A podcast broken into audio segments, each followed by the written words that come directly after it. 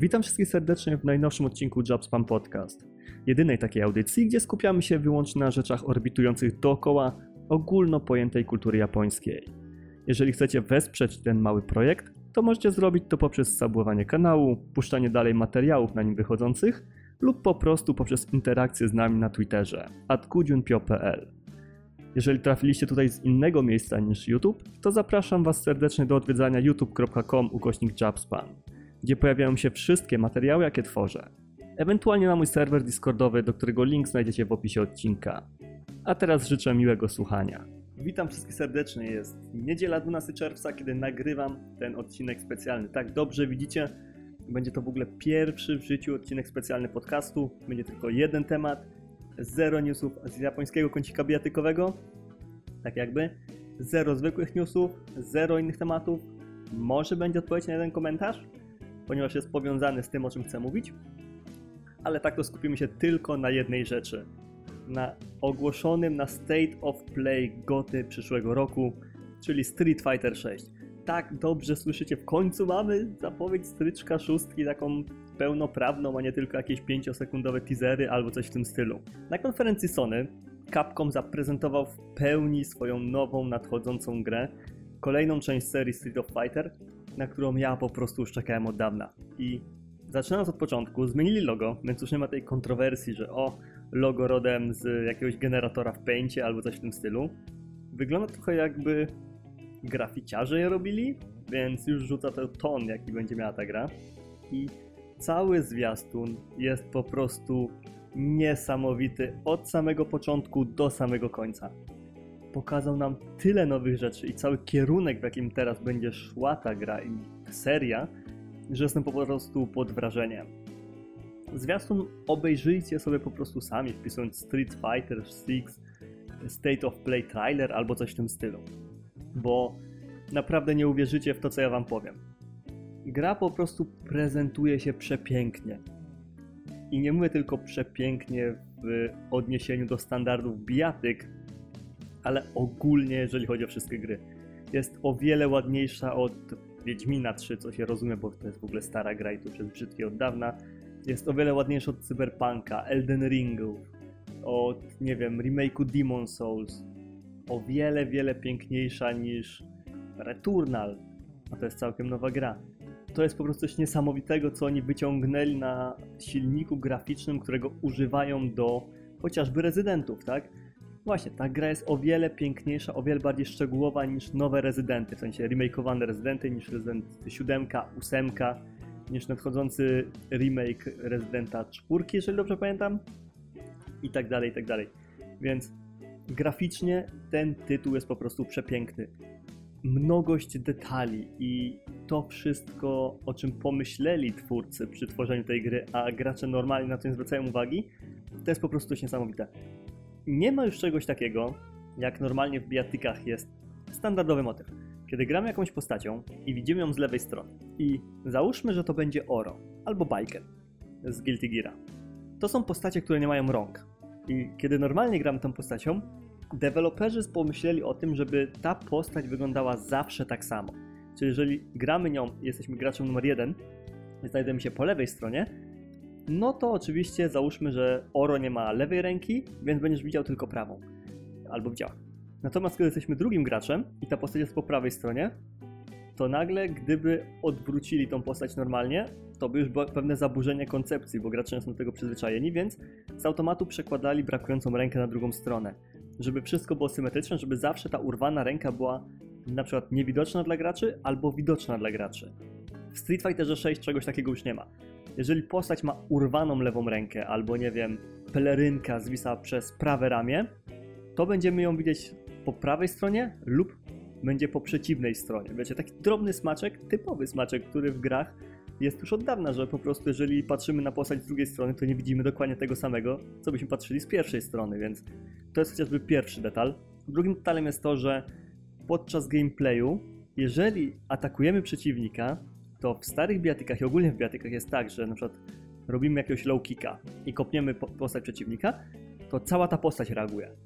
Bo po prostu taki jest hitbox, że cała konkretna część ma zareagować. W Street Fighterze 6 wygląda na to, że jeżeli kopniemy przeciwnika i technicznie nasz cios powinien dotknąć tylko jego wystającej nogi, załóżmy, nie wiem, lewej, to tylko w nią trafimy. Nie wiem, czy to ma wpływ na obrażenia, jakie zadajemy, ale jest na pewno drobnym smaczkiem, który docenią nie tylko gracze, ale również tacy ludzie, którzy po prostu szukają takich szczegółów w grach. Jeżeli chodzi o otoczenie, teraz w ogóle będę mówił o grafice, tak? Street Fighter 6, grafika. Jak już mówiłem, jest pięknie. Jeżeli chodzi o modele postaci, są szczegółowe, są po prostu przepiękne. Są postarzone, bo Street Fighter 6 dzieje się jako ostatnia część, obecnie ostatnia część chronologicznie, czyli po Street Fighter Third Strike. Więc postacie są już o wiele starsze. Nie tak, że nagle mamy y, siwowłosą Chan-Li albo coś w tym stylu, albo że Oro nie żyje, no bo już ze starości umarł, ale są starsze, tak? Ich historia, ich życie poszło do przodu. I to widać. Gail w końcu dorobił się brwi, ma brodę, jego głowa już nie ma takiego rozejścia jak Johnny Bravo, tylko jest trochę krótsza. Ryu oczywiście ma brodę, wygląda jak Hobo Ryu, czyli dla wielu osób jest uznawany za po prostu szczyt seksowności. Dlatego ma przepaskę, która ma sugerować, że przejął rolę Gena, czyli swojego mistrza i teraz on będzie chciał nauczać po prostu innych. Pojawia się też oczywiście nowa postać, Jamie, która też jest bardzo pięknie ubrana w detal i ma wielką kitę. Co ciekawe, ta kita podczas gameplayu może zostać tak jakby rozpuszczona i to działa na zasadzie jak chociażby V-Trigger Nekaliego, gdzie jego włosy nagle po prostu zmieniały swoją formę na Super Saiyan 5 i zaczęły lewitować dookoła. Z Jamiem jest podobnie, jest to pijany mistrz, ale to już dokładnie o postaciach będę mówił później. I kiedy dojdziemy do pewnego upicia, gumka na jego włosach po prostu pęka i nagle wszystkie włosy latają mu jak Setowi albo właśnie jak Nekaliemu. To też jest bardzo fajny detal. Jeżeli chodzi o otoczenie, to jest turbo po prostu dokładne. Jest tyle rzeczy w otoczeniu, które reagują na to, co się dzieje na ekranie, że jestem pod naprawdę wielkim wrażeniem po raz kolejny i będę to powtarzał wielokrotnie. Capcom przyłożył się do graficznego aspektu tej gry. Więc jeżeli oczekiwaliście jakiegoś eye candy, to Street Fighter 6 na pewno tym będzie. Będzie zażynał po prostu komputery, szczególnie, że musi działać w 60 klatkach. Nie ma czegoś takiego, że odpalisz tryb 30-klatkowy i heja banana, lecisz po prostu w obniżonej rozdziałce, ale z obniżonym framerate'em i jakoś grasz. Tu musi być zawsze solidne 60 klatek, więc to będzie zażynało po prostu sprzęty. I jeżeli chodzi jeszcze o otoczenia, to muszę powiedzieć, że widać w tym wszystkim kierunek, w którym zmierza Capcom z tym tytułem i prawdopodobnie z całą serią, ponieważ tak jak poprzednie odsłony były takie typowo biatykowe, wiecie, wyniosłe, tutaj jakaś instrumentalna muzyka, tutaj oczywiście jakieś góry, jakieś świątynie, tu nagle jakaś baza, coś takiego, takie duperele. Tak, Street Fighter 6 jest bardziej gangsterski, jakoś tak. Można by to rzec po prostu, że jest tam dużo hip-hopu. Widać, że czerpali bardzo dużo z kultury właśnie takiej ulicznej i to wygląda bardzo fajnie. Nie tylko jeżeli właśnie chodzi o postacie, ale też o cały styl menusów, jaki jest utrzymany i we wszystkim innym. Ale to mam porozbijane oczywiście na różne e, segmenty, więc nie będę za bardzo przeskakiwał. Nie jestem pewny, czy gra działa w 40, tu, 40 w 4K i w 60 fps, czy to jest Full HD i 60 fps, czy jakieś upscalowane 4K z 1080. Te informacje jeszcze nam nie podali, ale no jest naprawdę ładnie, więc trzymam kciuki, żeby ok. Na sam początek pokazali nam oczywiście cztery postacie, ponieważ nie chcieli od razu spoilować wszystkiego, co mają dla nas przygotowane, więc pokazali tylko cztery postacie. I jak możecie zakładać, był to oczywiście Ryu, był to oczywiście Luke, Chan-Li oraz Jamie. Pierwsze trzy postacie są wam bardzo dobrze znane, jeżeli gracie w biatyki albo w ogóle siedzicie w popkulturze. Ryu, no to oczywiście inaczej mówiąc tego Ryu, ja mówię Ryu, bo chyba Ryu, nie z tym. Ryu jest oczywiście taką wizytówką Street Fightera, tym takim shotosem, po którego wszyscy sięgają, bo jest łatwy do użycia i ma te swoje ikoniczne ruchy jak Hadoken, Shoryuken, Tatsumaki Senpuku i inne takie dość kultowe i powielane w wielu innych grach ataki. Więc tutaj się nic nie zmieniło. Dalej jest shotosem, dalej ma te swoje ikoniczne ataki, ale doszło też kilka nowych które były pokazane na różnych zapowiedziach oraz na gameplayach. Na przykład jeden działa na zasadzie dość bliskiego Hadokena, czyli że nie tyle strzelamy nim przeciwnika, co zbieramy falę energii i nią atakujemy na nieznaczną odległość. Jeżeli chodzi o Luka, to jest to prawie 1 do 1 przełożenie ze Street Fightera 5. Ma większość swoich ciosów, które miał w Street Fighterze 5. Dorzucili mu oczywiście kilka nowych, żeby nie było, że jest bieda postacią z poprzedniej generacji Street Fightera. I jego gameplan jest praktycznie zawsze taki sam. To się nie zmieniło od Street Fightera 5, więc jeżeli graliście w piątkę i look wam się podobał, no to już na starcie macie swojego maina, ponieważ look będzie dokładnie taki sam. Oczywiście ma te kilka ulepszeń, co mówiłem. W wypadku Luka to jest chociażby przedłużenie jego ataków. Luke posiadał atak na przykład specjalny, którym uderzał przeciwnika, wybijając go przy tym w powietrze. Teraz wersja X tego ataku będzie działała na zasadzie, że przeciwnik nie tylko będzie wybity w powietrze, ale też natychmiastowo złapany i zrobią mu DDT po prostu do gleby, żeby zadać dodatkowe obrażenia. Tak samo Luke zyskał chociażby RDP, czyli tak jak normalnie się robi Dragon Puncha z ziemi, żeby ściągnąć przeciwnika z powietrza, tak Luke może podskoczyć do góry i wykonać Dragon Puncha w powietrzu. Czegoś takiego w Street Fighterze 5 nie było z tego co pamiętam, więc to też może być game changer dla tych, którzy po prostu lubią skakać albo się teleportować. Jeżeli chodzi o Chun-Li, Chun-Li prawdopodobnie przeszła najwięcej zmian. Ma te swoje oczywiście Kikosio i te wszystkie inne ataki, ale poza tym, że jest postacią charge'ową, dostała też stansy.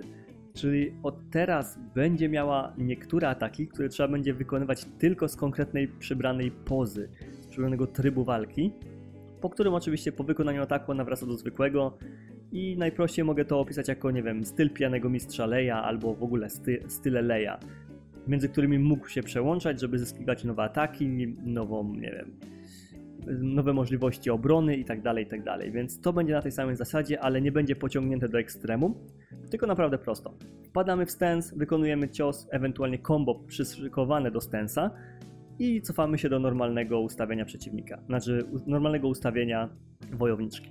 Więc tutaj jest ok.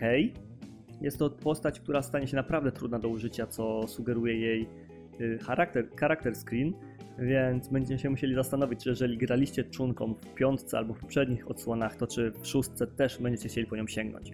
No dobra, ale to były szybkie piguły, teraz przejdźmy do creme de la creme, czyli do nowej postaci, do Jamie'ego.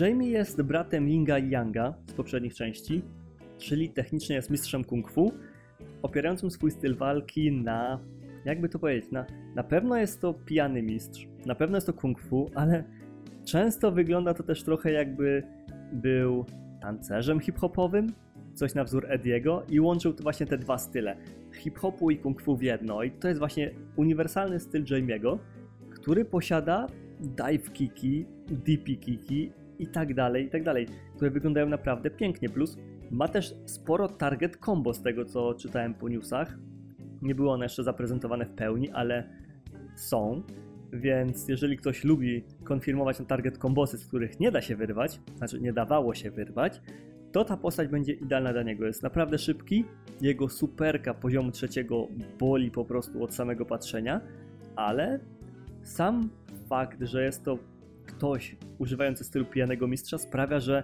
ta postać dostała zupełnie nowy element e, gameplayowy. Jak dobrze pamiętacie, w bijatykach i w szczególności w Street Fighterze 5 były postacie, które wyróżniały się gameplayowo na tle innych. Mieliśmy chociażby Ibuki, która używała też do swoich kombosów, w ogóle do walki przedmiotów. Był G, który musiał się ładować mocą ludzkości. Był Nekali, który oczywiście używał mocy swoich magicznych włosów i zyskiwał nowe możliwości. Był Zeku, który musiał zmieniać swoje tryby między starym a młodym, żeby zyskiwać nowe ataki i tak dalej. I Jamie ma właśnie dokładnie to samo u Jamie'ego ataki zmieniają się w zależności od tego, jak bardzo jest upity. Więc Polacy na pewno będą nim grali, no bo hej. Można się upić w grze i upić grając w grę, więc heja banana podwójne upicie, jak najbardziej na propsie. I tak jak mówię, im bardziej się będziemy upijać Jamie'im, tym większe obrażenia będzie zadawał, z tego co zauważyłem, ale będzie też trochę wolniejszy. Dostanie dostęp do nowych ataków, nowych ciosków oraz do nowych superek ponieważ żeby odpalić superkę trzeciego poziomu Jamie'ego trzeba być w pełni pijanym, bez tego nie da rady. O superkach powiem trochę później, żeby za bardzo nie mieszać. I to w sumie tyle, jeżeli chodzi o Jamie'ego. Wygląda naprawdę solidnie i naprawdę fajnie do grania.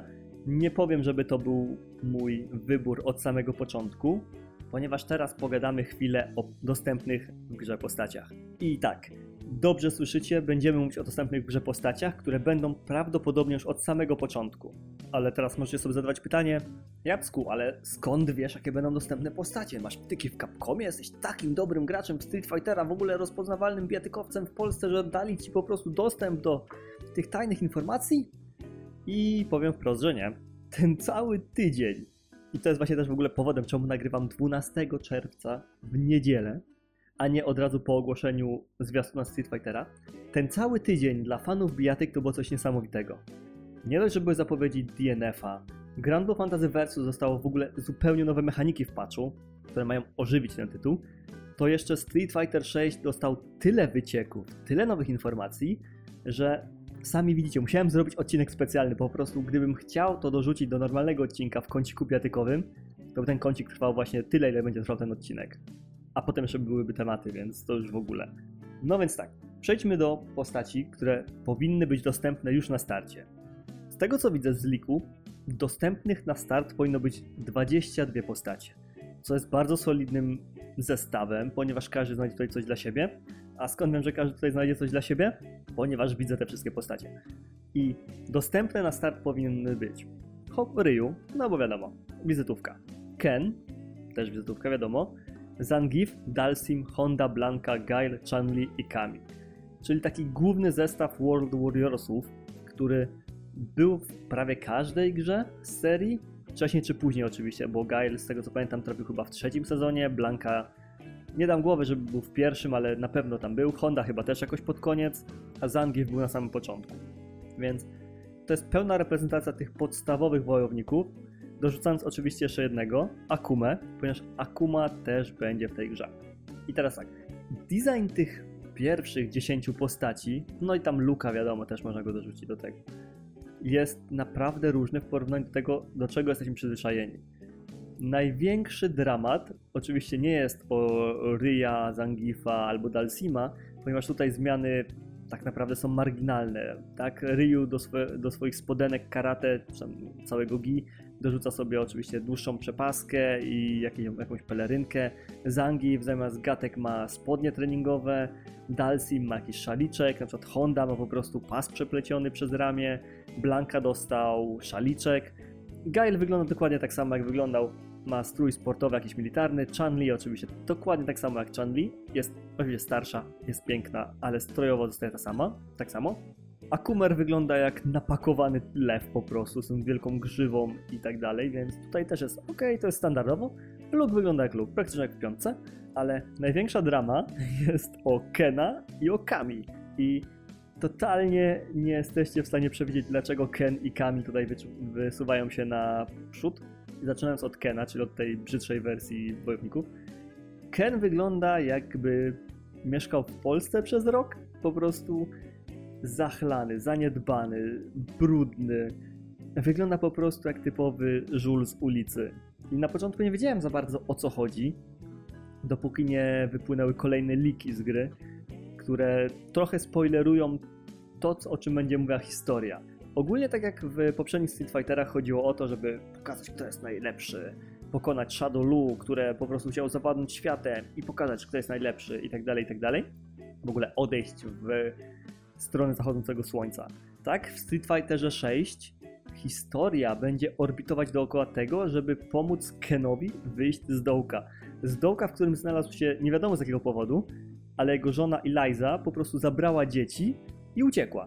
Technicznie jest też drugi lik, który mówi o tym, że Ken chciał stać się jak Ryu, czyli po prostu odkryć w sobie drogę wojownika, zostać mistrzem sztuk walki i przez to zaniedbywał niby rodzinę, przez to żona i jego córka odeszła, a on stracił moc po prostu ognistego Shoryukena, ognistego Hadokena i tak dalej, więc już nie ma w sobie ognia. I podobno Luke ma pomagać Kenowi odzyskać ten zapomniany płomień, wrócić mu na drogę rodzinnego życia i tak dalej, i tak. Więc zobaczymy, co z tego wyjdzie. Ryu wygląda jakby też miał tam dołożyć kilka swoich groszy. Reszta raczej wątpię, po prostu będą postaciami pobocznymi, które będą stawać na jego drodze, żeby sprawdzić jego umiejętności. Więc to jeżeli chodzi o Kena i czemu ludzie go nazywają Washed Up Ken, po prostu chcieli zrobić Hoboryja w wersji Kenowej, ale im nie wyszło. i od tej pory powstają w ogóle memy, gdzie nabijają się z amerykańskiego i w ogóle europejskiego stylu gry, gdzie jest ten właśnie washed up Ken, którego opuściła żona i zabrała córkę i on nie wie co zrobić, w ogóle stracił miliony, siedzi w barze, popija whisky i mówi kolego barmanie, kiedyś waliłem DP na wake-upie, teraz nawet mi się nie chce wake-upować, czy coś takiego, no nie, że tam nie chce mu się wstawać co rano, że kiedyś wstawał Dragon Punchem po każdej, przy, każdej, przy każdej okazji. Więc tak, to jest, jeżeli mówimy o washed up Kenie, jeżeli chodzi o postaci, ja w ogóle będę musiał sobie powykreślać trochę o czym już mówiłem, czyli przedstawienie postaci już było, grafika była, dobra. I teraz wracam do Roostera, czyli do największego w ogóle shitstormu, jaki się kręcił dookoła Street Fightera 6, który dopiero był zapowiedziany, czyli Kami. Otóż wielkie konsorcjum Inceli i innych piwniczaków stwierdziło, że nowy design Kami jest obrażający, urągający ich estetyce, ich zboczeniom i tak dalej, ponieważ Kami ma w nim spodnie. Nie wiem czemu dla mnie ten, ten design wygląda po prostu przepięknie. Mi się o wiele bardziej podoba niż typowa Kami z odsłoniętymi wszystkimi częściami ciała w jakimś stroju kąpielowym. Tutaj ma topik, rękawiczki, spodnie do ćwiczeń na siłowni i buty i to jest o wiele lepszy wygląd niż ten, który był w poprzednich odsłonach. Przy czym wszystko trochę ucichło po tym, jak się dowiedzieli, że klasyczny kostium też będzie, ponieważ był wyciek superkikami, jak to wygląda. I tak, to boli strasznie, co oni tam pokazali. Ale tak, Kami wygląda super, polecam, naprawdę pięknie. I przejdźmy teraz do postaci, które były też w poprzedniej części i które powracają oczywiście w tej odsłonie. Poza tymi, którymi teraz wymieniłem, których teraz wymieniłem, wraca oczywiście Rashid, Yuri i Ed, co było raczej do przewidzenia. Ed jako nowa zabawka Shadowlu, Rashid jako nowa maskotka swojej organizacji i Yuri, która oczywiście była w czwórce, w piątce miała swój oddany fanbase, nikt nią nie grał, ale w szóstce też ją dodali, no bo czemu by nie. Ich design wygląda dość standardowo. Yuri wygląda jak Yuri, odsłonięty brzuch, jakieś tam alladynki. Rashid wygląda oczywiście dokładnie tak samo. Look też się za dużo w nim nie zmieniło, ma tylko rozpiętą koszulę, gdzie mu widać klatę. Więc tutaj za bardzo nie ma o czym mówić. Z takich dodatkowych postaci, które były w poprzednich odsłonach, ale które nie pojawiały się potem za często, DJ powraca. Czyli młodszy brat Laury Matsudy, jeżeli dobrze pamiętam, DJ, który prawdopodobnie będzie kontynuował jej styl z Street Fightera 5. Nie grałem w poprzedniej części DJ-em, więc nie wiem za bardzo kim on jest. Zakładam, że może być grapplerem, bo no jak jego siostra była i go zastępowała, no to on też powinien być takim typem postaci. No ale tutaj oczywiście wygląda typowo no jak grappler z Jamajki, czyli wiecie, zielone stroje, takie niby afro, opaska. Wygląda porządnie, ale niezbyt zaskakująco. Więc tutaj macie już większość postaci, które będą dostępne w Street Fighterze 6. Przejdźmy teraz do creme de la creme tego roostera, czyli zupełnie nowych postaci, które pojawią się w Street Fighterze 6, co jest całkowicie niespotykane od trzeciego uderzenia, gdzie wymieniono większość postaci na nowe. Tak tutaj jest, no podobnie. Można powiedzieć, że jedna trzecia wojowników i wojowniczych do wyboru są zupełnie nowe postacie i ja to totalnie szanuję. Obstawiam, że to są tak naprawdę reskiny poprzednich postaci, coś jak w przypadku Marvel vs. Capcom Infinite, gdzie deweloperzy powiedzieli, że ludzie nie potrzebują Magneto, nie potrzebują Phoenix, nie potrzebują, nie wiem, X-Menów czy kogośkolwiek, ponieważ to są tylko skórki. Równie dobrze można dać po prostu jakąś nową postać, która wygląda inaczej, ale grać nią tak samo i będzie, to, i będzie git. No i tutaj poszli trochę prawdopodobnie w tym samym kierunku, ponieważ z dostępnych nowych postaci, o których nic nie wiemy poza wyglądem, mamy Marisę, która wygląda jak żeńska wersja Sagata, czyli prawdopodobnie będzie walczyła Muay Thai, rzucała fireballami i nie zdziwię się, jak będzie miała tygrysa, na którym będzie wjeżdżać na, e, na scenę. Jest wysoka i dopakowana, więc totalnie to musi być Sagat. Mamy Lili, która wygląda jak też hawajska wersja DJ-a. Nie wiem, jak to lepiej można by określić, ale no tak, totalnie wygląda jak hawajska wersja DJ-a. Mamy JP, który po prostu wygląda jak inna wersja G, czy tam Q z poprzednich odsłon, czyli jak ktoś grał tymi postaciami, to totalnie powinien grać JP. Przypomina mi też trochę Leroya z Tekkena 7, więc może to jest ten motyw, gdzie mamy kolejną tajną organizację, której przywódca jest super silny i której przywódca jest super silny i po prostu czerpie energię z jakiegoś mrocznego miejsca z głębi ziemi albo coś w tym stylu. Ewentualnie może być takie zastępstwo za Bisona, chociaż bardziej obstawiałbym tutaj kogoś innego, jak chociażby właśnie Aki, o której zaraz powiem. Następną postacią, jaką pokazano nam na tym wycieku, to jest oczywiście tylko zrzut taki obrazkowy, jest Kimberly. Kimberly wygląda naprawdę jak żeńska wersja Luka, więc można obstawiać, że będzie coś na zasadzie rushdowna. Niekoniecznie musi mieć swoje firebole, jak Luke. Może być zastępstwem za chociażby Karin, no bo czemu by nie, jakaś inna wersja Karin, mniej wkurzająca, mniej skomplikowana. Ma oczywiście strój typowo animo-amerykański z rękawicami, więc może być tu jakiś styl bokserski lub coś w tym stylu. Przedostatnią postacią, którą zaprezentowano nam oczywiście na tym wycieku jest Aki. Aki jest oczywiście potwierdzona i tutaj mogę powiedzieć wprost, że jest to po prostu następczyni Fanga. Nie do końca jestem przekonany, czy to jest oczywiście jego córka, żona, matka, czy po prostu uczennica, ale jest to kobieta, która przejmuje po nim pałeczkę i od teraz ona będzie walczyła oczywiście przy pomocy trucizny.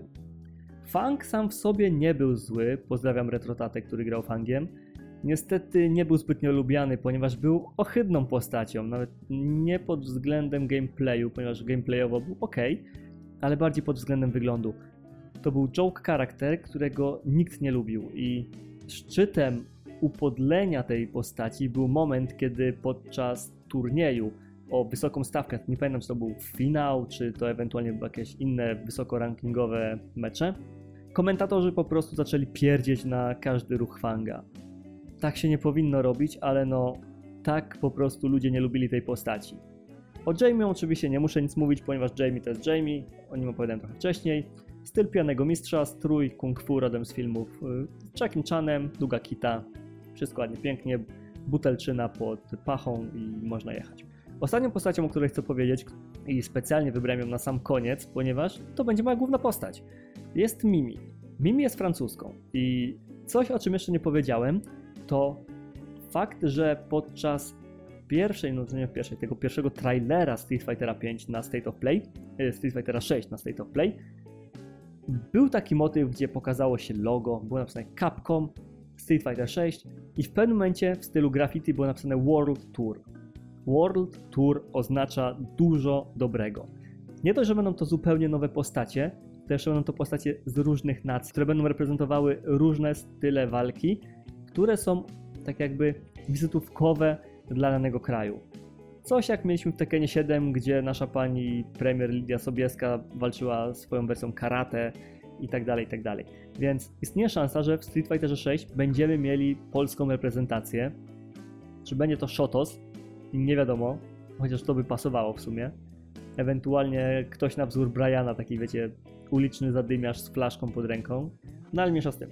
Mimi jest ubraną na niebiesko, różowo-włosą francuską, o której nie wiem nic, ale totalnie czuję, że ona będzie graplerką. Wiele osób mówi, że to będzie po prostu żeńska wersja Abla z Street Fightera 4.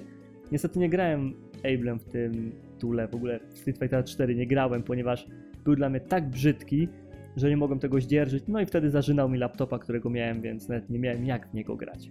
Tak czy siak, Mimi będzie moją główną postacią i tak jak mówię, World Tour oznacza wiele dobrego. Nowe postacie z różnych krajów, oczywiście będą powracać jakieś tam ikoniczne postacie z poprzednich serii, ale obstawiam, że tak jak mówię, więcej będzie tych nowych niż tych starych, ponieważ historia w tej grze idzie do przodu, więc postacie też muszą iść do przodu. Kolejną rzecz, którą mam rozpisaną u siebie na mojej wielkiej rozpisce jest coś typowo powiązanego z całą otoczką tej, wizualną tej gry, czyli z muzyką. Muzyka, jakby to powiedzieć, jest typowo gangsterska, jest bardzo dużo hip-hopu, bardzo właśnie takich rytmów ze skreczowanymi płytami, jakimiś samplami, które można używać potem w innych piosenkach itd., tak itd. Tak I były osoby, które mnie się pytały, co sądzę o tej muzyce. I oficjalnie mogę powiedzieć, że bardzo mi się podoba. Zmiana stylu muzycznego z takiego, jakby to powiedzieć, uniosłego, tego typowo jammerskiego, gdzie normalnie nikt by się przy tym nie bawił, przy tej muzyce ze Street Fightera, chyba że właśnie na jam session albo na jakichś koncertach typowo poświęconych tej muzyce. Ten styl się zmienił właśnie na taki bardziej hip-hopowy, bardziej uliczny i taki, którego da się słuchać na przykład podczas treningów na siłowni. Da się puścić go na cały regulator z głośników samochodu i to nie będzie nic dziwnego. Ludzie będą się po prostu zastanawiali, co to za wykonawca hip-hopowy, co tam, kto tam jest na bicie albo coś w tym stylu. Więc ode mnie powiem, że muzyka dostaje super okejkę, fokę polecenia z twarzą Anny Rogali, tak jak kiedyś dawaliśmy w recenzjach albo coś w tym stylu. I jest to element, który totalnie pasuje do stylu graficznego, wizualnego tej całej otoczki, więc jak najbardziej już mówię na plus. Może się to nie spodobać oczywiście ludziom, którzy oczekują typowo napakowanych dźwiękami utworów w tej grze. Tutaj nie jest źle, nie jest oczywiście tak jak w Guilty Gear, gdzie po prostu leci pełny metal albo coś w tym stylu. Jest dynamicznie, ale jest też bardziej gangstersko, hip-hopowo i tak dalej, więc mnie się bardzo podobało. Przesłuchajcie dostępne ścieżki dźwiękowe, ponieważ The Rolling Stones, czyli ten magazyn w ogóle o muzyce w Ameryce, zainteresował się głównym motywem z tej gry i oficjalna premiera głównego motywu i teledysku do niego była właśnie w Rolling Stones. I to już jednak o czymś świadczy, że to już nie jest po prostu plumkanie stworzone typowo dla graczy, ale też dla większej rzeszy ludzi, którzy może przez muzykę sięgną po Street Fightera, a będą mieli o wiele łatwiej, ale o tym powiem dopiero później. Więc skoro muzykę już mamy odhatrzoną i stwierdzono bardzo szybko, że pasuje idealnie do gry pod każdym względem, porozmawiajmy właśnie trochę o graniu, o gameplayu, o tym, co pokazywano na tych wszystkich zwiastunach, na pokazach, na wyciekach, na oficjalnych gameplayach z Summer Game Fest, jakoś tak to się nazywało, bo ze State of Play chyba nie było, ale na Summer Game Fest normalnie Capcom się rozłożył, można było przez godzinę grać z deweloperami tej gry, robić sobie notatki i używać nagrań z, tego, z tej godzinnej rozgrywki u siebie na kanałach. Więc obejrzałem tego mnóstwo i powiem Wam, że z powodu przejścia z typowego silnika, na którym działał Street Fighter V i w ogóle porzucenie tego komiksowego stylu graficznego na rzecz bardziej realistycznego, sprawił, że gameplay wygląda ciut inaczej. Dla nas może być to na początku trochę nienaturalnie, chociaż dalej zapowiada się super miodnie, ale jest na pewno ciut inaczej, więc tutaj musicie mieć to pod uwagę, na uwadze. Oczywiście blokowanie, DPK i tak dalej, dalej się sadzi tak jak się sadziło, więc tutaj nie ma większej zmiany. Jednak ta gra jest, tak jakby powiedzieć, first strike'iem nowego pokolenia. Ta gra naprawdę się wydaje być Street Fighterem, trzecim uderzeniem nowego pokolenia, ponieważ weszło tyle nowych mechanik, tyle nowych opcji rozgrywki, że powiem to po raz kolejny, jestem pod wrażeniem. Mamy oczywiście swoje standardowe, bijemy, tracimy życie, przegrywamy i tak dalej, ale doszło chociażby to, doszło albo powróciło, że każda z postaci ma trzy superki. I teraz się możecie zastanawiać, ale jak to trzy superki? Przecież w Street Fighterze 5 trzeba było zebrać cały pasek, każdy miał jedną superkę, ewentualnie Akuma albo Kage chyba mieli dwie. I jak to tak można w ogóle? To jak to działa? I śmiało mogę wam powiedzieć, że działa to bardzo fajnie, ponieważ podczas walki, podczas blokowania, otrzymywania obrażeń, zadawania obrażeń, o dziwo też, ładują nam się paski od CA, które są używane tylko do superek. Nie ma czegoś takiego, że pasek od superki jest y, współdzielony z pasem od EX ataków, więc przez całą walkę możemy zbierać specjalnie te paski, które nie znikają po zakończonej rundzie. Więc jeżeli poprzednią rundę skończyliśmy z dwoma paskami, nową rundę zaczynamy również z dwoma paskami, co daje całkowicie nowe możliwości taktyczne, ponieważ wiele osób będzie grało eko, czy jak to się tam mówiło w Counter-Strike'u, czyli grało po prostu biednie. Nie będzie używało w ogóle tych dodatkowych superek, bo będzie chciało zebrać na jedną potężną, żeby jej użyć na sam koniec, odpalić cinematika i mieć to z głowy. No więc tak, superki są trzypoziomowe, wiadomo, 1, 2, 3. Pierwsza zadaje najmniejsze obrażenia, druga zadaje średnie obrażenia, trzecia zadaje po prostu monst, po prostu mega obrażenia. Więc to od nas będzie zależało, której kiedy będziemy chcieli użyć. Co jest ciekawe, z tego co udało mi się wyciągnąć z lików, nie będzie możliwości linkowania specjalnych ataków w superki. Przynajmniej nie wszystkich. Trzeciopoziomowy prawdopodobnie można było linkować z, nie wiem, chociażby z DP, można było odpalić superkę. Nie jest to potwierdzone przez większość, większość przez wiele osób, tylko przez 2-3, więc tutaj musimy trochę z tym poczekać. Ale podobno wszystkie inne nie można linkować, więc jeżeli będziecie chcieli na przykład zlinkować sobie, bo ja wiem właśnie to mityczne DP superkę pierwszego poziomu, to prawdopodobnie nie da się tego zrobić, ale linkowanie superek ze zwykłych ataków, czy takich typowych uderzeń albo coś w tym stylu, jakieś tam medium punchy, low kicków i tak dalej, na spokojnie jest dalej możliwe, więc jeżeli będziecie chcieli kiedyś kogoś pokarać za źle użyte DP, light punch, CA bez problemu. No i tak, trzy superki sugerują, że powinny być trzy cinematiki dla każdej postaci. Co ciekawe, tak nie do końca jest, ponieważ pierwsze dwie superki są pokazywane typowo tak na silniku gry. Wiecie, takie po prostu zbliżenie na ustawienie, na ustawienie kamery, na konkretny atak i tak dalej. Druga, znaczy trzecia superka jest już typowym cinematikiem znanym z chociażby ze Street Fightera 5, gdzie nagle ustawienia kamery, otoczenie, wszystko się zmienia i nasza postać wykonuje jakiś jeden miażdżący atak. Były pokazane oczywiście te ataki. Jak możecie się domyślić, Ryu nie ma już Hadokena jako superki. Znaczy ma jako superkę, ale superka pierwszego poziomu, czyli po prostu nie bardziej dopakowany Hadoken. Superka drugiego poziomu to jest jakieś tam fala energii z bliska, a superka trzeciego poziomu to jest Shin Shoryuken, czyli jego kultowy atak w bardzo dopieszczonej formie, gdzie po prostu po uderzeniu chyba nawet było widać kości przeciwnika i jego mózg jak się obija po prostu o czaszkę i tak dalej, i tak dalej, więc to jest standardowo jak u Ryja u Chunki, czyli u Chanli, naszej kochanej. Jest to tak naprawdę połączenie poprzednich jej superek z dodatkowym wyskokiem, uderzeniem w powietrzu, więc tutaj za bardzo też nie ma o czym mówić. Jeżeli mówimy o Luku, to jest to dokładnie ten sam atak. Superka Luka z piątki jest jego superką y, pierwszopoziomową w szóstce. Superka trzeciopoziomowa to jest po prostu to samo co zwykła superka, w sensie ta pierwszopoziomowa, tylko że na ziemi.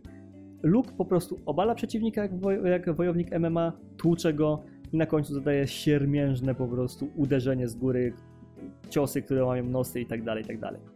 Nie jest zbyt spektakularne, nie jest zbyt fajne do oglądania, jest takie okej, okay, może być, ale szału nie robi. Za to szał robi po prostu superka Jamie'ego. To jest coś niesamowitego, to jest nawiązanie do starych filmów kung fu po prostu. Kiedy się upijemy naszą postacią, Jamie i odpalamy superkę, jego włosy oczywiście powiewają na wietrze i w ogóle wszyscy są zakochani w nim. Wtedy dochodzi do pojedynku. Postać staje naprzeciwko swojego oponenta, wystawia rękę i zaczyna się pojedynek kung fu, w którym na samym końcu łapie mu za krtań i robi ruch, który sugeruje, że wyrywa mu tą krtań. To jest po prostu tak bolesne w oglądaniu ale ma naprawdę takiego powera, że czujemy, że te obrażenia po prostu zostały zadane. Z wycieków wiemy też oczywiście, znaczy z wycieków, z wycieków wiemy o Kami oraz oficjalnego trailera, trailera Gaila, który był pokazany, wiemy też o jego superce. Jego superka działa na zasadzie, że po prostu atakuje przeciwnika swoimi projectilami, potem mu wskakuje na klatę i robi y, swojego flashkicka. Tak wygląda jego superka. Nie ma na czym oka zawiesić. Jest jak u Luka, ok, ale szału nie ma. Za to Kami. Kami ma nieprzeciętnie brutalną i fajnie wyglądającą superkę. Najpierw uderza postać różnymi dziwnymi atakami z każdego kąta, sprawia, że przeciwnik albo przeciwniczka pada na kolana, po czym rzuca się na nią Spiral Arrow, tylko że nie wierci w przeciwniku, tylko przelatuje obok niej i skopa wali jej w głowę, jakby chciała złamać jej kręgosłup po prostu boli od samego patrzenia, ale też czuć, że jest w tym solidna moc i że to może zadać konkretne obrażenia. Obstawiam, że Ken jako superkę będzie miał jakąś wersję Tatsumaki. Zangief będzie oczywiście jakiś chwyt typowo zapaśniczy. Dalsim będzie prawdopodobnie pluł ogniem. Honda będzie używał swojego Thousand Flower Slap, czy jakoś tak. Blanka będzie się rzucał po okolicy, gdzie nie wiem, Rashid będzie miał na stówę coś z powietrzem, Yuri może mieć jakiś projectile, Ed będzie miał bokserskie uderzenie, Akuma standardowo będzie miał swojego demona i swojego DP. Marisa może być czymś na wzór właśnie Sagata, czyli będzie kilka kopniaków i jakieś DP w superce. Mimi ciężko mi powiedzieć. Będzie coś graplowego. Coś na wzór tego, co miała Laura chociażby, albo Armika, tylko bez postaci pomocniczej. Lily totalnie nie mam pojęcia. JP, tutaj jest sens, żeby tu był atak e, po prostu dalekosiężny, jeżeli chodzi o superkę. Kimberly obstawiam, że będzie jak, tak samo jak z Lukiem, czyli po prostu jakieś tam proste uderzenia. Aki obstawiam, że będzie coś z trucizną.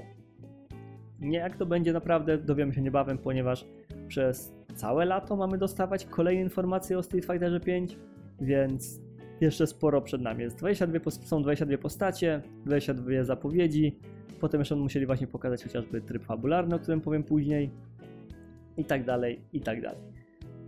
Z kolejnych dodatków, jeżeli chodzi o gameplay, dostaliśmy coś, co się nazywa Drive Gauge. Drive Gauge, nie wiem jak to po, o, poprawnie powiedzieć.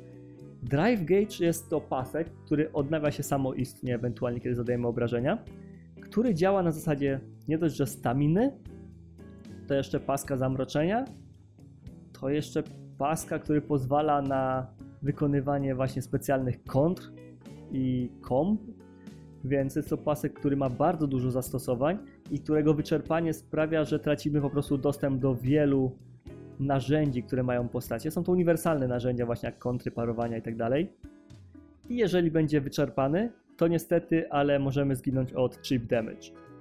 Dla tych, którzy nie wiedzą, chip damage to jest rodzaj obrażeń, który dostajemy na bloku. W Street Fighterze 5 działa na tej zasadzie, że pojawiało się szare życie. Jeżeli dostaliśmy normalne uderzenie, którego nie zablokowaliśmy, to traciliśmy całe szare życie plus to dodatkowe z tego uderzenia, więc można było sporo stracić. Ale jeżeli blokowaliśmy, to to życie się sukcesywnie odnawiało i technicznie tylko jedna rzecz mogła cię zabić, jeżeli miałeś na przykład 0 HP normalnego, a wszystko w tym szarej, wszystko w tej szarej strefie i były to superki. Teraz każdy cios może zabić na bloku. Jeżeli nie mamy drive gauge, to każde uderzenie, jak zablokujemy, i tak nas zabije, bo obrażenia nie dość, że przebiją naszą obronę, bo właśnie potrzebujemy tej staminy, żeby blokować bardzo dobrze ciosy i nie dostawać obrażeń, to jeszcze zada nam swoje obrażenia, więc trzeba będzie bardzo dbać o ten pasek. I teraz tak. Razem z Drive Gauge doszło właśnie parowanie i kontrowanie. Y, kontrowanie jest o dziwo łatwiejsze do wytłumaczenia, Wyobraźcie sobie tą Hard Parry z Tekena 7, tak to się chyba nazywało? Czyli atak, gdzie nasza postać na chwilę zamarza, przyjmuje zmniejszone obrażenia od przeciwnika, ale dokładnie w tym samym momencie, kiedy przeciwnik nas atakuje, to te niewielkie obrażenia, sami zadajemy mu wtedy jakiś cios, który zjada mu sporo, sporo życia. I tutaj działa to na tej samej zasadzie. Jest właśnie takie coś, co będzie służyło do przebijania ataków przeciwnika i wyrywania mu jego kole kolejki, co ma swoje plusy i ma swoje minusy, ponieważ normalnie jeżeli w Street Fighterze 5 chcieliśmy odzyskać swoją kolejkę, to musieliśmy poczekać aż przeciwnik zrobi coś niebezpiecznie na minusie, ewentualnie użyć V-Shifta i wtedy przerywaliśmy jego atak, ewentualnie mieliśmy kilka klatek do przodu i po tym mogliśmy coś robić. Tak tutaj po prostu przeciwnik jest odpychany wszystko jest zerowane i lecimy do przodu. Po tym odepchnięciu można wykonywać oczywiście jakieś ataki, ale to muszą być ataki, które mają odpowiedni zasięg, odpowiedni klatkarz i nie możemy wepchnąć każdego uderzenia po tym, bo technicznie ten atak, z tego co pamiętam, ma mieć 17 klatek recovery, więc nawet po trafieniu przeciwnika jesteśmy 17 klatek w plecy, więc do tego czasu przeciwnik może zrobić quick rise i na spokojnie wcisnąć blok i obroni większość naszych ataków. Drugą możliwością, poza przełamywaniem ataków przeciwników itd., tak jest oczywiście możliwość parowania ich ataków.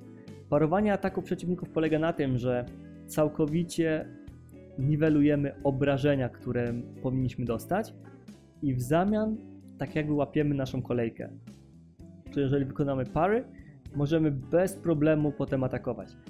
I możliwość parowania dzieli się na dwa poziomy jest zwykłe parowanie, które daje nam mniej klatek y, przewagi po nim, więc jeżeli po prostu będziemy parować ataki przeciwnika, to może być tak, że mamy na przykład tylko dwie klatki na plusie, ale nasz atak jest chociażby siedmioklatkowy, załóżmy, albo pięcioklatkowy, więc odejmujemy te dwie klatki, które mieliśmy na plusie i z pięcioklatkowego ataku robi się yy, trzyklatkowy, ale w tym czasie przeciwnik może wcisnąć blok i oczywiście nic mu nie zrobimy.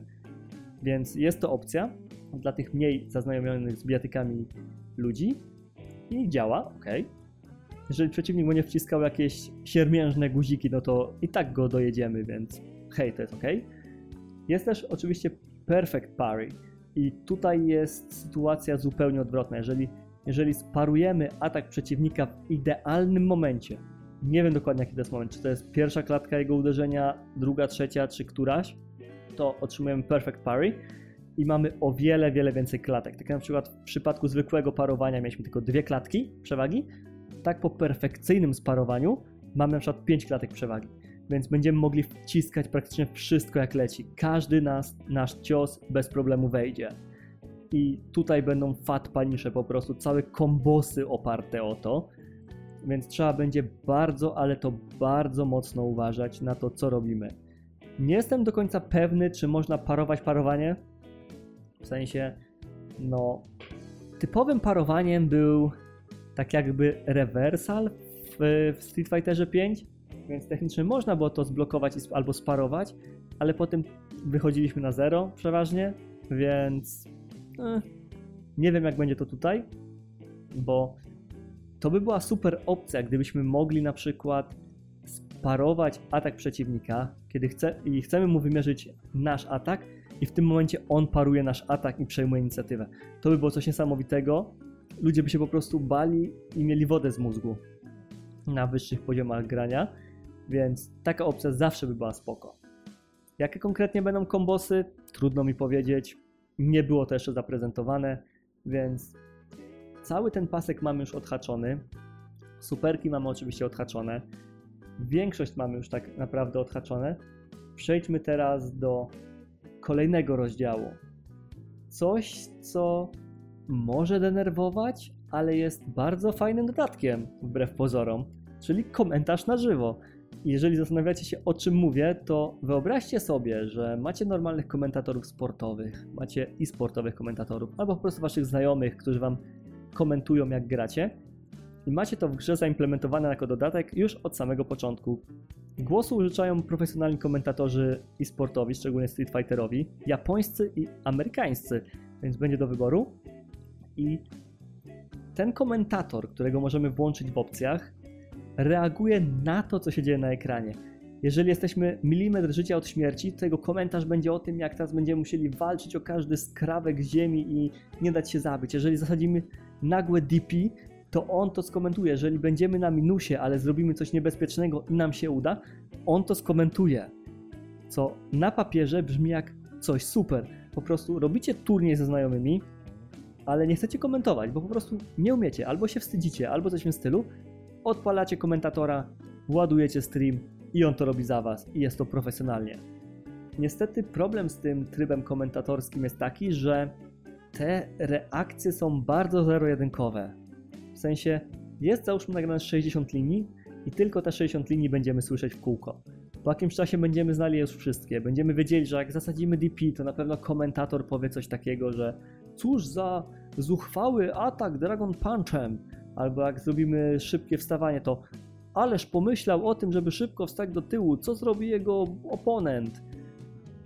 Po jakimś czasie to może bardzo, ale to bardzo denerwować i już widziałem statystyki, gdzie po prostu 80% graczy uważa, że to jest super opcja, ale proszę, żeby można było ją wyłączyć, bo po prostu nie będą w stanie w to grać z tym komentatorem w tle. Więc okej, okay. Ja uważam osobiście, że to nie jest zła opcja, tak mówię, do używania na streamowanych turniejach będzie w sam raz, jak się komuś nie chce komentować. Ale ja osobiście nie będę w tym, z tym grał, ponieważ muzyka jest za fajna, żeby zagłuszać ją komentarzami. Chociaż nie powiem, japońskiego komentatora może bym jednak jeszcze włączył, ale to może, może. Teraz, jak już mówimy o komentowaniu, jak już mówimy o walce i o tym wszystkim, porozmawiajmy trochę o sterowaniu. Nie wiem, czy pamiętacie z mojej recenzji Guilty Gear Xrd Rev 2, ale o ile Arxis zaimplementował w tamtej grze coś takiego jak proste i techniczne sterowanie, wiecie, proste, czy takie autokombosy, korygowanie pozycji gracza i tak dalej, i tak dalej, a techniczne to jest zwykłe sterowanie, Tak Capcom poszedł o jeszcze jeden krok dalej. Też wstawili coś takiego u siebie i ma być to mega ułatwienie dla wszystkich początkujących, ponieważ tak jak na przykład Hadokeny wykonuje się poprzez QCF-a do przodu plus cios, czyli dla tych co nie kojarzą to jest po prostu ćwiartka do przodu, tak ćwierć okręg do przodu i uderzenie pięścią. Tak teraz Hadokeny będziemy mogli robić tylko przy pomocy naciśnięcia trójkątu. I tyle. Przy czym nie zrozumcie mnie źle, to nie będzie defaultowy styl rozgrywki, styl sterowania. Dalej będzie taki typowy oldschoolowy 2D, gdzie będziemy musieli łodzić zetki, półkola, ćwierćkola, pełne koła itd., tak itd., tak ale po prostu Capcom dorzucił jeszcze tryb dla mniej zręcznych graczy.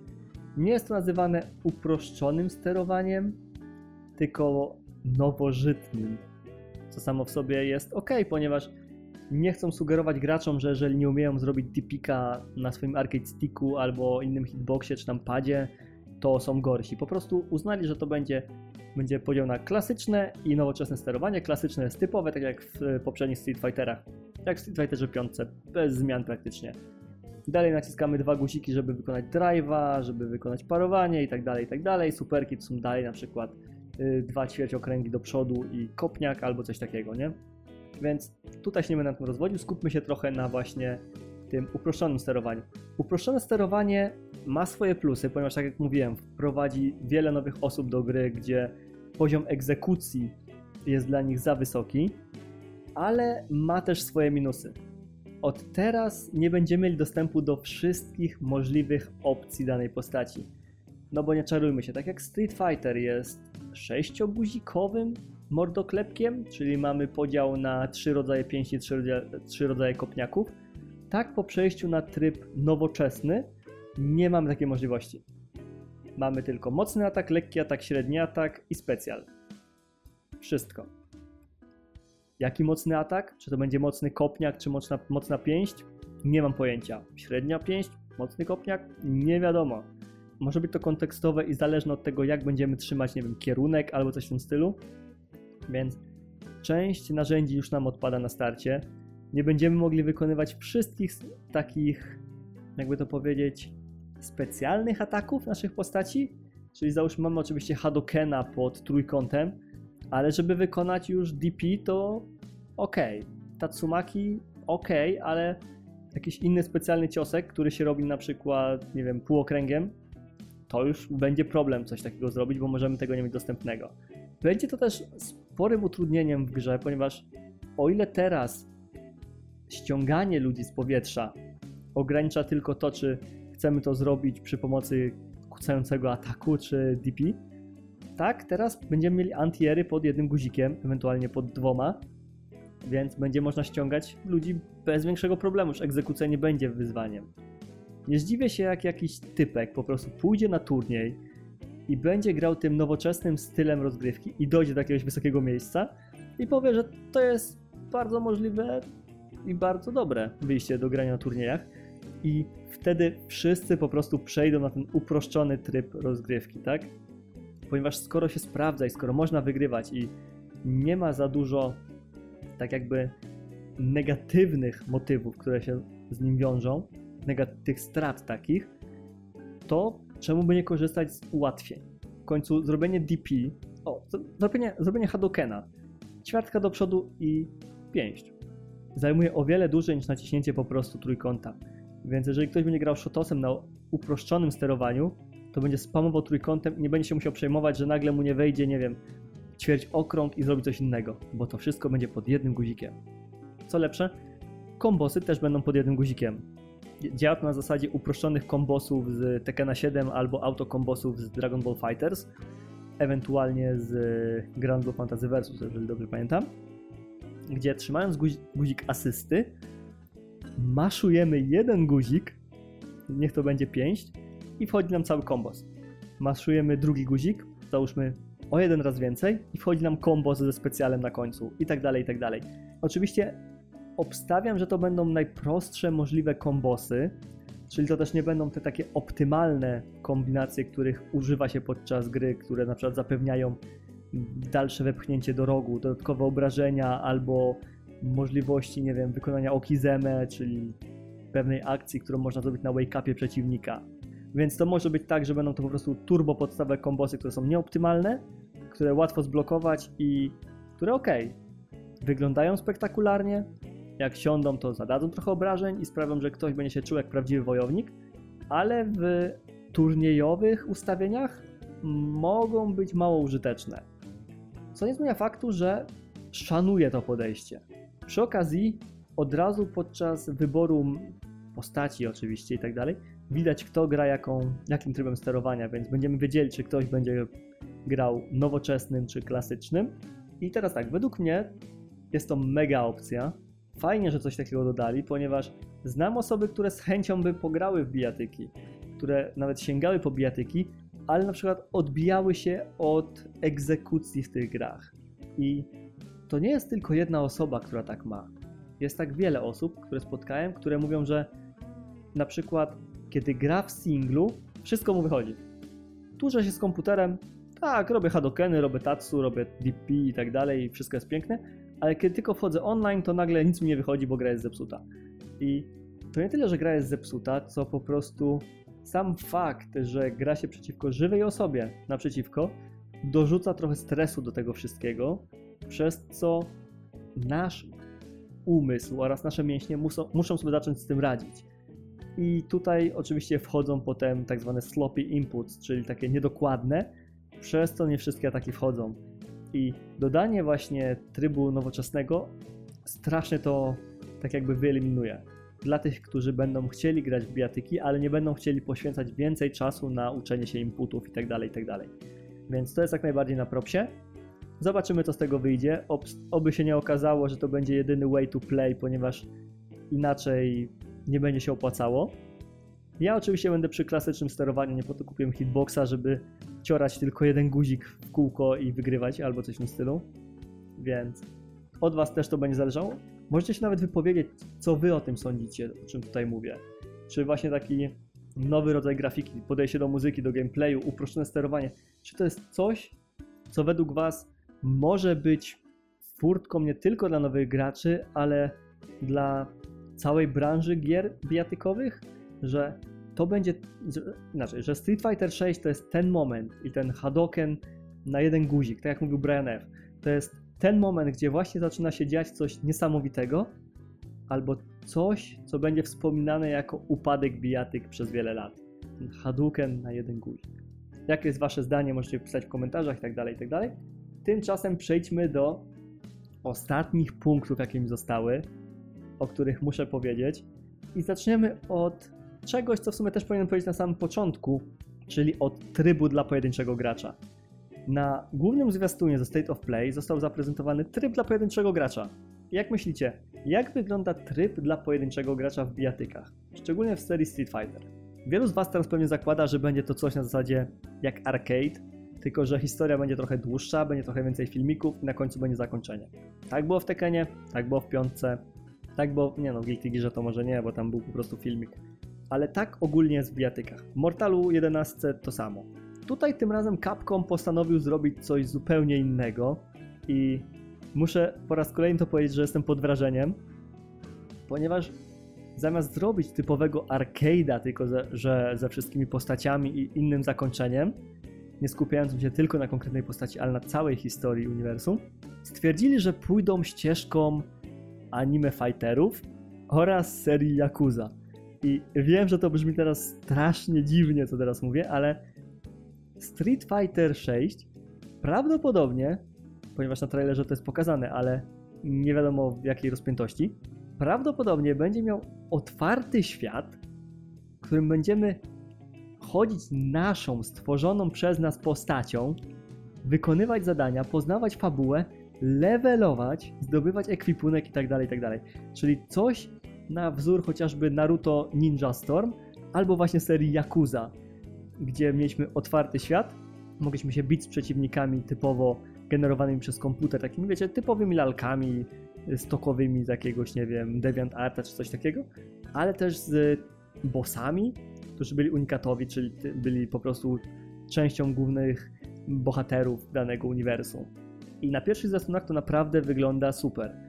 Odnośnie kustomizacji naszej postaci nie wiemy na razie nic, ale obstawiam, że będzie można tworzyć tam wojownika czy wojowniczkę i o ile może być on użyteczny podczas typowych versusowych pojedynków takich lokalnych, tak w środowisku turniejowym raczej nie będzie możliwe granie własnymi postaciami, ponieważ to by strasznie psuło balans. Szczególnie jeżeli będą chcieli zrobić z tego jeszcze nie dość, że open worlda, to RPG z lootem i tak dalej, więc to się okaże. Nasza postać przemierza oczywiście miasto, które wygląda, wygląda no, to jest Metro City. To jest coś, jakby się dostali miasto z Jakuzy, tylko bardziej zapuszczone, nie? To właśnie postać, która przemierza Metro City, rozwala jakieś rzeczy, rozwala jakieś skrzynki, z których wypadają rzeczy, biega po jakichś, nie wiem, wertykalnych przeszkodach, rozmawia z ludźmi i w pewnym momencie jest po prostu pokazane, jak podchodzi do jakiegoś NPC'a i nagle zaczyna się walka z nim. Więc totalnie mnie nie zdziwi, jeżeli tryb singlowy w tej grze to będzie po prostu open world na zasadzie Jakuzy, tylko że nie na jakieś 50-60 godzin, ale na takie solidne 20 albo coś w tym stylu. I to by było super. To by było naprawdę pójście do przodu, jeżeli chodzi o bijatyki. To by było coś, co można by nazwać Age of Calamity bijatyk. I tak wiem, to brzmi głupio, ale to ma sens. O ile Age of Calamity po prostu zamiótł, jeżeli chodzi o muso i jak należy prezentować historię w tych grach, tak właśnie Capcom może zrobić to samo z bijatykami w, dzięki Street Fighterowi 6. Poprzednio tą pałeczkę przejął Mortal Kombat 11, którego tryb fabularny był po prostu nieziemsko dobry, gdzie nie było zbytecznych walk, wszystko było dość filmowo, efektywnie, efektownie itd., tak itd. Tak i sensownie. Tak teraz, jeżeli Capcom się postara i zrobią tego open worlda, to wow, szapoba po prostu. Żadna inna biatyka nie będzie mogła nie mieć takiego trybu u siebie. Będą mogli się bawić w coś na wzór Devil Within albo Tekken Force Mode, ale będą musieli dać taki rodzaj rozgrywki, bo inaczej po prostu będą uznawani za jakichś takich gorszych, którzy nie umieją iść z biegiem czasu. No, więc tyle jeżeli chodzi o tryb singleplayerowy. I teraz przejdźmy do tak naprawdę dwóch największych newsów, jeżeli chodzi o Street Fighter 6, z których ja po prostu się cieszę i o które też mnie pytano. Czyli tak, jaki jest netcode w tej grze i czy będzie pełny crossplay? albo czy będzie w ogóle crossplay w Street Fighterze 6. I śmiało mogę powiedzieć, że netcode będzie super, bo to będzie rollback netcode, way to the play, czy jak to się to tam mówi, że już nie ma innej ścieżki. Guilty Gear Strive pokazało, że rollback to jest przyszłość i od teraz wszyscy deweloperzy bijatyk muszą implementować rollback, żeby nie skończyć tak jak Grand Blue Fantasy Versus skończyło. Gra nie miała rollbacku, miała delay-based netcode i totalnie nie powiem wam jak działa rollback. To jest jakaś czarna magia z kotła niesamowitości. Działa po prostu, ale no Grand Blue Fantasy Versus nie miało rollbacka w ogóle na start, ani teraz po latach też nie ma. Przez to gra bardzo szybko umarła przez lagi, desynki, jakieś teleportacje i tak dalej, więc nie dało się grać, więc ludzie to porzucili. Rollback działa tak, że ja Jacek Kaleta, siedzący w Polsce, siedzący w Zgierzu, z moim łączem 300 na 30, będę mógł grać z Daigo Meharą z Japonii i nie będziemy czuli zbytnio różnicy w naszych połączeniach, gdzie normalnie granie z Francuzami to czasami była tragedia, a teraz będziemy mogli grać przez kontynenty i się nawet tym nie przejmować, ponieważ rollback działa na tej zasadzie, że jeżeli ja mam dobre i stabilne łącze i Daigo ma dobre i stabilne łącze, to będziemy mogli zagrać. Będę mógł zagrać z Maksymilianem, z Brianem, ze Smagiem, z Brianem już mówiłem, z Nightmarem i z innymi, ponieważ ten rollback jest tak dobry. Testowałem to w Strive. Grałem z Japończykami, grało się po prostu świetnie, nie było lagów, nie było opóźnień, nie było nic. Więc tak, potwierdzono, będzie rollback. Nie będzie to ten sam rollback, który był w chociażby Street Fighterze 5. Jak się okazuje, tam był rollback tylko będzie coś naprawdę działającego, więc jesteśmy uratowani, ponieważ, tak jak mówię, koniec z, jakby to powiedzieć, z nienawiścią do ludzi grających po Wi-Fi. Bo niestety, jeżeli ktoś grał po Wi-Fi bijatyki, to był traktowany jako podgatunek. Rollback to ratuje właśnie, ponieważ nie będzie takich desynchronizacji, nie będzie za dużo lagów itd., tak itd. Tak Fakt, jeżeli ktoś ma jakieś łącze typu rzucone na hotspocie z wiadra w McDonaldzie to dalej będą problemy, ale jeżeli mówimy o domowym użytkowaniu, gdzie ludzie grają po prostu w domach i mają na przykład właśnie neta przez Wi-Fi, ale w domu, czyli stabilnie albo po kablu, to bez problemu będą się mogli łączyć ze sobą i cieszyć graniem. Co mi przypomina, że technicznie nie pokazali, czy będzie tam w ogóle jakiś Wi-Fi indicator, jak chociażby w Tekkenie 7, gdzie to doprowadziło do dość mocnego rozpadu fanbase'u tej gry, ponieważ, no nie czarujmy się, w bijatyki gra się na kablu. Tak było, jest i będzie. Trzeba grać na kablu dla stabilnego łącza, dla dobrego łącza, dobrego przesyłu itd., tak itd. Tak I w Tekkenie 7 po publikacji patcha, który, który dodał możliwość podglądu, czy ktoś ma Wi-Fi, czy gra po kablu, doszło do takiego motywu, że wiele osób po prostu narzekało, że gra jest martwa. Było, że nie mogli się przez ponad godzinę albo dwie połączyć z kimkolwiek prawie i że ta gra jest martwa albo że jest zepsuta i o co chodzi, o co chodzi. A prawda była taka, że po prostu każdy szanujący się bijatykowiec odrzucał praktycznie granie z kimś po Wi-Fi. Widział znaczek Wi-Fi, było dobra, nara, ja z tobą nie gram, teraz masz 5 kresek, jest ok, zaraz, nie wiem, puścisz bąka i ci zwieje po prostu zasięg i będziesz miał jedną kreskę, będzie lagowało, ja przez to przegram i nie mam w ogóle czasu na to, żeby się z tobą męczyć w tak słabych ustawieniach. I to zabiło wejście nowych zawodników do Tekena, może nie całkowicie, ale w sporym stopniu. W Street Fighterze 6 niestety nie mam bladego pojęcia, czy będzie taki indicator. Jakby był, byłoby spoko. Zawsze dodatkowy odsiew, plus często na turniejach był taki motyw, że ludzie po prostu narzekali, że hej, ten mecz był do bani, proszę o wysłanie zdjęcie łącza, na czym grasz, bo nie dało się grać, przez to przegrałem chcę rematch, no nie? I co, ludzie mówili tylko, no ja gram na kablu i tyle, naskocz mi. Nie mogli tego sprawdzić. Mogli mieć podpięty kabel Ethernet pod konsolę albo coś, zrobić zdjęcie, proszę, tu jest kabel, a tak naprawdę grać sobie na przykład po Wi-Fi albo coś w tym stylu. I tego nie szło udowodnić. Teraz będzie to po prostu, mogło być po prostu od razu widać, co by strasznie ułatwiło pracę takim właśnie TO i tak dalej, i tak dalej. Co mi przypomina, że cały tryb sieciowy w Street Fighterze 6 wygląda jakby był w wielkim hubie, gdzie chodzimy naszą postacią i sobie wchodzimy w konkretne rzeczy. Wiecie, coś jak właśnie w Dragon Ball Fighters. Y, jest prawdopodobnie też tryb turniejowy, gdzie wybieramy na ilu graczy ma być turniej, robi nam się cała ta drabinka i tak dalej, i tak dalej ze wszystkimi wynikami, co też sporo ułatwi organizatorom turniejów, ponieważ będzie można chyba też nawet wybierać między tym, kogo chcemy w danej chwili obserwować, ewentualnie czy można grać pojedynczo, czy wszyscy mogą cisnąć naraz i tak dalej, i tak dalej. To jest niepotwierdzone, to są tylko plotki, więc zobaczymy. A jeżeli chodzi o crossplay, to mam dla Was bardzo dobrą wiadomość. I to jest kolejny way to the play. Coś, co teraz wprowadza Capcom, co wprowadziło chociażby Battle for the Grid, co kucyki wprowadziły i inne gry, czyli będzie pełny crossplay.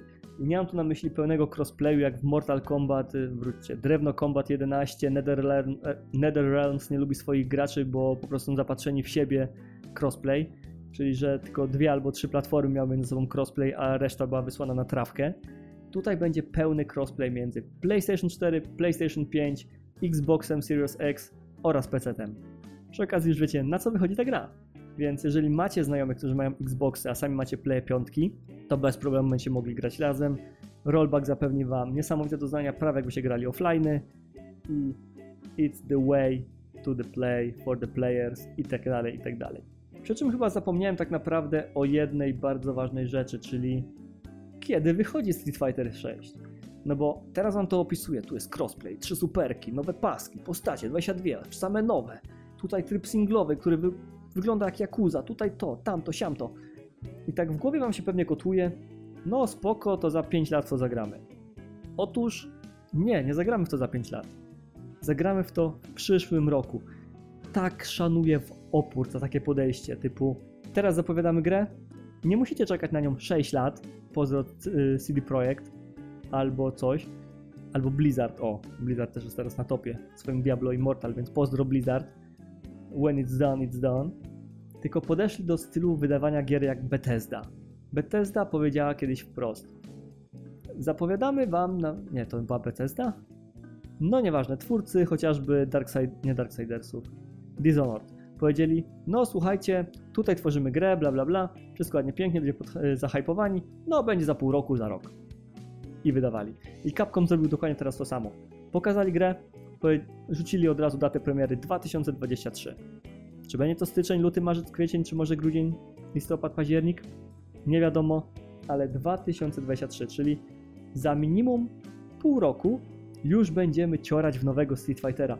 I nie wiem jak dla Was, dla mnie to jest zakup Day One w wersji kolekcjonerskiej, jeżeli tylko będzie dostępna w naszym kraju. Nie mam zamiaru zwlekać nawet dnia. Moment, w którym oni zapowiedzą oficjalną datę premiery Street Fightera 6, będzie momentem, kiedy ja, wchodząc do pracy następnego dnia, wezmę sobie urlop na ten dzień. Jeżeli to będzie piątek, wezmę jeden dzień. Jeżeli to będzie środa, wezmę od środy do końca tygodnia.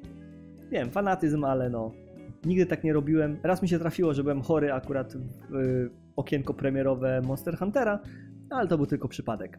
I było blisko moich urodzin, więc sobie pozwoliłem. No, więc w przyszłym roku już będziemy mogli pograć w Street Fightera 6, na którego ja nieziemsko czekam. Czekam na wersję kolekcjonerską. Mam cichą nadzieję, że nie będzie w kolekcjonerce Luka albo Ryu, ani Kena, tylko jakaś żeńska postać. Załóżmy figurka żeńskiej postaci. Jakiś artbook, soundtrack, naklejki, może nawet koszulki, rękawice, no nieważne.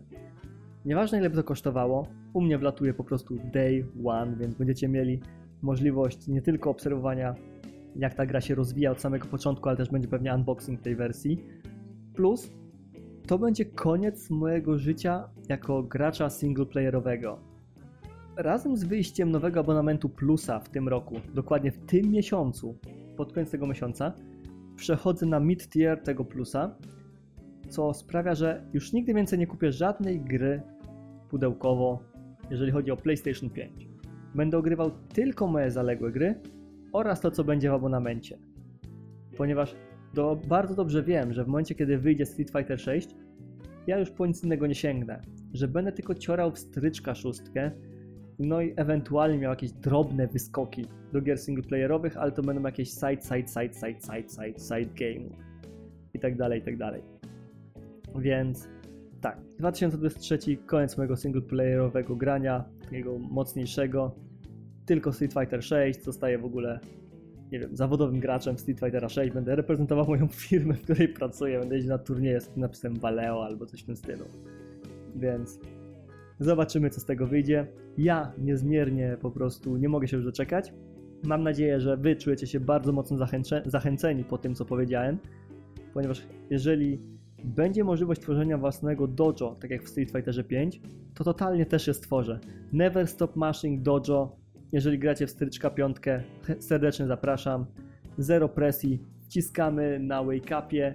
Kiedy jesteśmy na minusie wciskamy, kiedy jesteśmy na zero wciskamy, kiedy jesteśmy na plusie oczywiście też wciskamy i będzie super zabawa.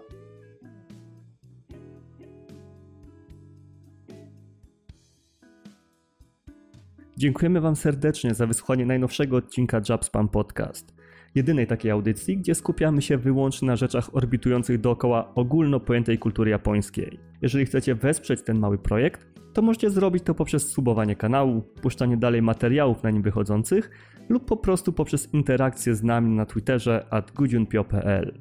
Jeżeli trafiliście tutaj z innego miejsca niż YouTube, to zapraszam Was serdecznie do odwiedzenia youtube.com ukośnik gdzie pojawiają się wszystkie materiały, jakie są tworzone ewentualnie na mój serwer Discordowy, do którego link znajdziecie w opisie odcinka.